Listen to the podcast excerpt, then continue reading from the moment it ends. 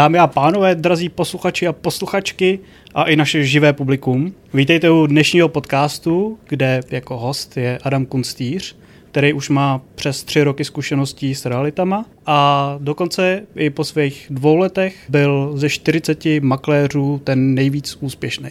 Takže Adame, vítej. Ahoj Honzo, děkuji za pozvání. a jak už jste asi zvyklí, pokud je to teda první váš poslech tohle z toho podcastu, tak mimo to živý publikum tady realitáci vyprávějí příběhy, který jinde neuslyšíte a občas to bývají dost dobrý bizárnosti a věřím, že i dneska to bude hodně zajímavý. A vím, že Adam má připravený nějaký příběhy, já mimochodem nevím, jaký příběhy to jsou, takže moje reakce bude absolutně autentická. A tímhle s tím teda navazuju na tebe, Adame.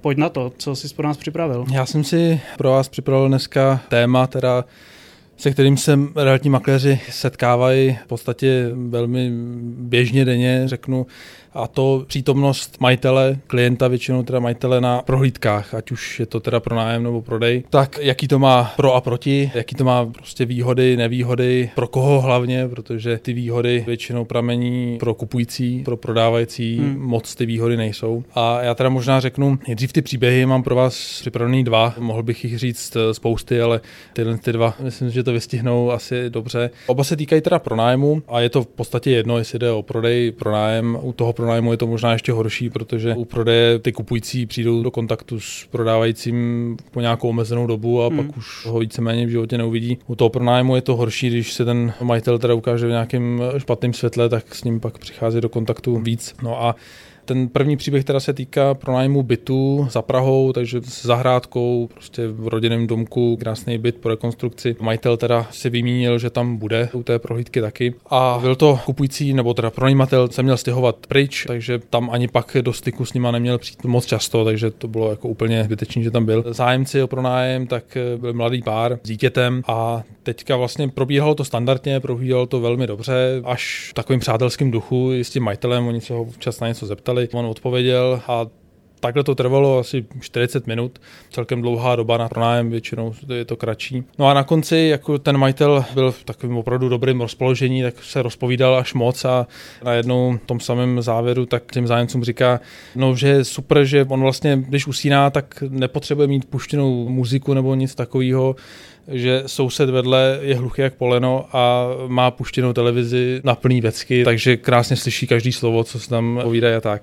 No a já jsem viděl teda, jak se na sebe zájemci podívali a věděl jsem, že to už teda jako bude velmi těžko napravit a hmm. taky, že to napravit nešlo, protože druhý den říkali, že prostě všechno super, ale jediný tohle to jako nás odradilo, my tam prostě potřebujeme spát, dítě tam bude spát, potřebujeme fungovat jako hmm. a tohle to nejde. Takže si samozřejmě majitel prostě jako vyšel hlavu, že to je blbec a příště už to neudělal teda, no ale, ale byla to škoda. No a druhý případ byl vlastně trošičku podobný, byl to byt, kde jsme dlouhý měsíce nemohli najít eh, zájemce, ten majitel vlastně taky podmínka byla, že si ty zájemce musí proklepnout sám, musí je vidět. A tak ten byt byl hodně drahý na to, v jakém stavu byl. Hmm. A teďka po dlouhých měsících jsme našli opravdu jako ideálního nájemníka, prostě starší paní, která tam nebude dělat žádný vylomeniny, prostě bude tam sama. Měla kousek od toho rodinu, syna s vnukem, takže krásně by se o to starala, přesně by to sedělo. No a na té prohlídce majitel vlastně se vyjádřil tak, že jakmile bude nějaký problém nebo se něco stane špatného, tak to bude řešit přes advokáty. A opravdu jako byl takový hodně drsný a ještě tý paní jako řekl, že no víte co, já to říkám schválně těm lidem takhle, já schválně ty lidi odrazu. Jo, takže nakonec teda paní zase druhý den jako se omluvila, že všechno super, teda ale majitel opravdu dosáhl svýho a odradil je. takže do toho nepůjdou, že nechtějí pak řešit prostě nějaký nesmyslné věci. No. A teda jako třešnička na dortu teda naštěstí jsme se toho pak zbavili velmi rychle, protože majitel bytu, když po tři čtvrtě roce se to nedalo pronajmout eh, s tímhle s tím přístupem, tak přišel s geniálním nápadem, že se zdraží, mm. že, že se ten nájem zvedne, takže to byla taková poslední jako tečka. To. Volá se by měla ty advokáty, ne? Jak to zdraží? Eh, no, určitě, určitě, no. K tomu mám věci takové, že ty lidi kolikrát někdy to myslejí opravdu jako ten druhý případ prostě tak, že se snaží něčeho docílit a nějak i třeba ty lidi odradit, aby tam opravdu měli někoho, toho, kdo bude mít hroší kůži, no nevím, hmm. kdo to snese. V nějakých případech prostě opravdu ty lidi si to neuvědomují, že to může uškodit tomu prodeji, pronájmu, takže za mě třeba já to vůbec nedoporučuji, aby majitelé byli na prohlídkách. Není to, že bychom chtěli zájemcům, ať už od pronájem, prodej něco zamlčovat nebo hmm. něco takového.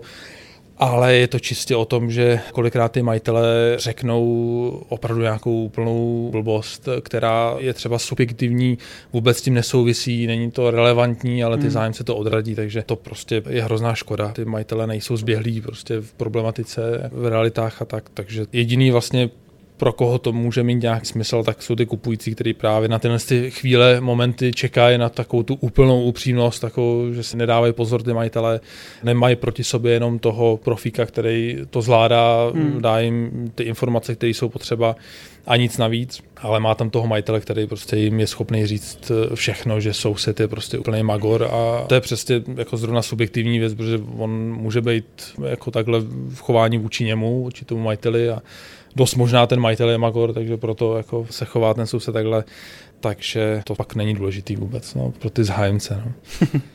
Já už jsem se člověče bál, že nebudu vůbec moc mluvit, protože ještě předtím, než jsme se dostali o tom co podcastu, tak Adam byl ten, který se bál, že nic neřekne a tom se možná bylo nejdelší solo, který jsme tady zatím měli. No, Takže já vlastně celou dobu držím otázky. A ta první, ty si hodně mluvil o těch majitelích, ale mě teď zaujaly v tom prvním případu ty sousedi. A mě zajímá, jak jako makléř znáš tu situaci těch sousedů. Protože mimochodem, ještě k tomu Adam v bytě, ve kterém teď žiju, tak Adam byl ten, který tam se mnou byl jako makléř původně, když jsme se viděli možná poprvé v té době. A já se vždycky ptal právě na ty sousedy, protože přece jenom pro to bydlení je to docela důležitý, kdo hmm. bydlí okolo vás, když je to byt. Jak moc dobře jako makléř teda znáš jako situaci, co se týká těch sousedů? Hmm. Já v podstatě to znám, nebo mám možnost to zjistit asi dvouma nějakýma reálnýma způsobama. Nejjednodušší způsob zeptat se majitele. Hmm. Já se majitelů vždycky ptám, ať mi řeknou na rovinu opravdu všechny výhody si dovedu představit toho bytu, ať už je to prodej, pronájem, ale hlavně ať mi řeknou nevýhody, ať vím, jak s tím pracovat a jak se na to případně připravit a abych vyhodnotil, co těm klientům říct a co je relevantní a co není. To znamená zeptat se majitele, jaký jsou sousedi. Většinou mi prostě řeknou opravdu tak, jak to je. Problém je, že někdy to nevědí ani sami. Když mají být na pronájem, 10 let tam nežijou, tak hmm. prostě už nevědí. Sousedi se mění, takže většinou si pamatuju nějaký jedna, dva úsedlíky nějaký, který tam jsou ještě, když tam byli oni, ale pak třeba nevědí. Takže to pak těm klientům říkám zase tak, jak to je. Majitel mi řekl to a to, no a potom čistě během náštěv, kdy tam jsem, jestli hmm. potkám sousedy, jestli vypadají rozumně, no, když nevypadají, no tak to je takový těžký, no, jako co má člověk říkat, no. Hmm. Je to prostě ty lidi hlavně zajímá ne jak ten soused vypadá, ale jestli hlučí a tohle a to je věc, která se mnohdy opravdu projeví až při tom samotném bydlení a pokud nám to neřeknou ty majitelé, tak ještě jedna teda možnost je od eh, minulých nájemníků. Takže hmm. to taky vždycky, když se s nima setkám, tak toho využívám. Ptám se, proč se třeba stěhují, ať mi řeknou zase otevřeně, oni nemají důvod eh, nic zatajovat v podstatě, hmm. že už odcházejí a už nemají proč eh, nějakým způsobem mi neříct všechno, takže když mi řeknou sousedi, prostě je tady jako šílený hluk, tak s tím pracuju, no. takže pak když přijde nějaký důchodce, který neslyší, tak je to výhra. No. Mě to jenom zajímalo z pohledu toho zájemce právě, jestli to je vůbec jako relevantní otázka, jestli ten makléř může vědět tu situaci nebo ne. Hmm. A spíš to teda vypadá, že může, ale je to hodně složitý a maximálně, že by to bylo dohledatelné z nějakých jako předchozích zkušeností těch tak. lidí předtím. Ano, ano, je to tak. Relevantní to samozřejmě je, bude tam ten člověk bydlet, prostě ho zajímá, jestli tam má někdo nějakou hudební školu nebo něco takového. Hmm. Ptala se paní, protože pracuje přes noc, tak eh, přes den spí, tak jak to tam je, jestli tam nejsou hluční děti a tohle to všechno jsou jako relevantní otázky, ale jak jsem říkal, někdy to jako víme a řekneme to nějak eh, samozřejmě kulantně, někdy prostě nevíme, nemáme šanci, jako hmm. jo, rozhodně ještě nejsme teda tak daleko, abychom jako makléři strávili pár nocí v bytě, abychom, abychom ho jako otest, otestovali. Já jsem o tom přemýšlel, protože teďka v bytě byla pravidelná roční odstávka týden teplý vody, tak jsem si říkal, že možná využiju nějaký byt, eh, že bych to jako otestoval sousedy, ale to, to samozřejmě jsem nezrealizoval. Zase z podobného hlediska jako toho zájemce ty výhrušky těma advokátama, protože byl jsem i třeba na prohlídce bytu, kde ten člověk vlastnil strašně jako hodně bytů, velký baráky, všude možně. Mm-hmm. A ty lidi jsou hodně movitý, takže asi na to advokáty mají a úplně z toho nebojí. Mm-hmm. A jak je to co právě častý? Jak často se stává, že ten zájemce se dostane jako do problému s tím majitelem? Naštěstí zas tak častý to není. My jsme tady v minulých dílech, eh, tady Aleš mluvil o majitelích, kteří byli šílení prostě a samozřejmě těch majitelů je spousta takových, ale naštěstí jich není moc. A bohužel teda, když k něčemu takovému musí přistoupit, tak je to z nějakých oprávněných důvodů a to, že ty nájemníci prostě neplní to, co mají. Mm-hmm. Ne, že by to bylo naopak, že by byla nějaká šikana ze strany majitele, teda mm-hmm. toho nájemníka máš pravdu, že většinou je to tak, že ti movitější, co pronajímají víc těch nemovitostí, nedělá jim absolutně problém to dát právníkům a pak mm. bohužel prostě ty nájemníci jsou nucení buď nějakým způsobem ustoupit nebo se domluvit nebo dát peníze taky za advokáty, ale mm. není to zas tak častý. Jako kortu toho nájmu, ono většinou nejde o moc, to znamená, že prostě to většinou jako nedojde do takového stádia, kdyby se chtěli soudit nebo něco takového. Mm. Většinou se to nestává, ale nevyplatí se jim to v podstatě. No. Jasně já to nechci úplně extrémně prodlužovat, protože ještě mám jednu nebo dvě otázky, které hmm. jako půjdou potom dál. Hmm. Ale zajímá mě, jestli se ti někdy stalo, že ti třeba volal majitel, který měl v pronájmu nějaký lidi s nějakým problémem, jako nějakým takovým jako speciálním, že tam něco provádějí a pojďme to řešit, nevím, jak to máme řešit, jestli se někdy něco takového stalo. Stalo se, naštěstí se teda nestává moc často, zatím teda tu úspěšnost mám teda, trochu říct, že stoprocentní těch nájemníků, že opravdu s nima nebyly problémy.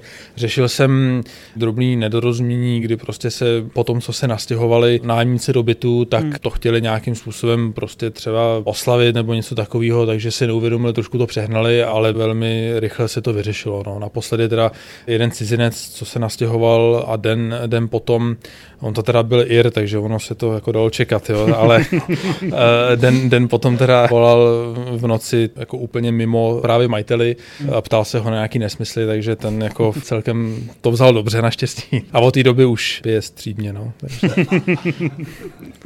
to, co mě zajímá, ty si hodně právě mluvil o těch majitelích a říkal si, že úplně nedoporučuješ, aby tam byli. Mm-hmm. A máš, když už tam teda budou chtít být, což je pochopitelný, asi nedoporučovaný z tvojí strany, nějaké doporučení pro ně, jak by třeba, o čem by měli mluvit, o čem by neměli, jak by se měli mm-hmm. chovat, mm-hmm. jenom jako pozorovat, nebo i sdílet nějaké zkušenosti? Jo, já jsem za tu dobu teda už eh, těm majitelům a vlastně od začátku jsem k ním úplně otevřený a říkám jim to možná natvrdo, prostě ať jsou sticha. Jednoduše ať nic neříkají, prostě pokud nebudou muset a ať toho říkají co nejméně, jo, protože opravdu můžou to myslet dobře, nemusí to být vůbec nějaký záludný otázky, ale prostě pak je to obchod, tak jako dealer aut vám neřekne, že auto je super, ale teda ve 150 se to začne celý jako sypat a s tím se nedá jet více jak 170, protože to prostě nepůjde uřídit, tak není dobrý říkat tadyhle všechno. Jo. A zase je to subjektivní efektivní, protože prostě ne každý pojede takhle rychle. Jo. To samý platí o těch nemovitostech. Můžu víc ještě jeden příklad, třeba prodeje tak prodávali jsme takový krásný mezonetový byt mimo Prahu, byl celkem drahý a taková obligátní otázka kupujících, proč se stěhujete. To je to takový ošemetný, protože fakticky do toho nic není. Na druhou mm. stranu oni chtějí slyšet, že se nestěhují kvůli právě kvůli sousedům nebo mm. kvůli eh, tomu, že tam prostě zatejká takovýhle věci. To mm. samozřejmě jim jako člověk musí říct. Eh, na druhou stranu, jako opravdu, jak jsem říkal, je to věc majitele čistě. No a na tohle otázku jeden právě u tohohle bytu majitel odpověděl, že vždycky se stěhoval do lepšího, takže předtím se stěhoval tady do toho bytu a teďka se zase stěhuje jinam. Jo, a já jsem mu pak prostě říkal, nezlobte se, ale to jako říkat nemůžete, ten člověk se na to bere hypotéku, bude to spácet větší část svého života, on prostě musí mít pocit, že jde do toho nejlepšího, co je. Jako, hmm. Takže ať si vymyslí, co chce, že tam prostě se musí stěhovat za rodinou, že tam chtěl jako zestárnout v tom bytě, ale prostě to jinak nejde, ale ať hlavně neříká toho. No. Hmm. Takže to pochopil a na příští prohlídce už nechtěl být vůbec. takže, takže to vyšlo dobře. Super. Adam, já ti moc děkuji za tyhle tipy. Já věřím, že to bude hodně hodnotný pro všechny mhm. majitele, ale i pro ty zájemce, o kterých jsme taky mluvili. Děkuji publiku za krásný reakce tady. taky díky Honzo, díky moc. A děkujeme vám za poslech a budeme se těšit u příští epizody. Mějte se.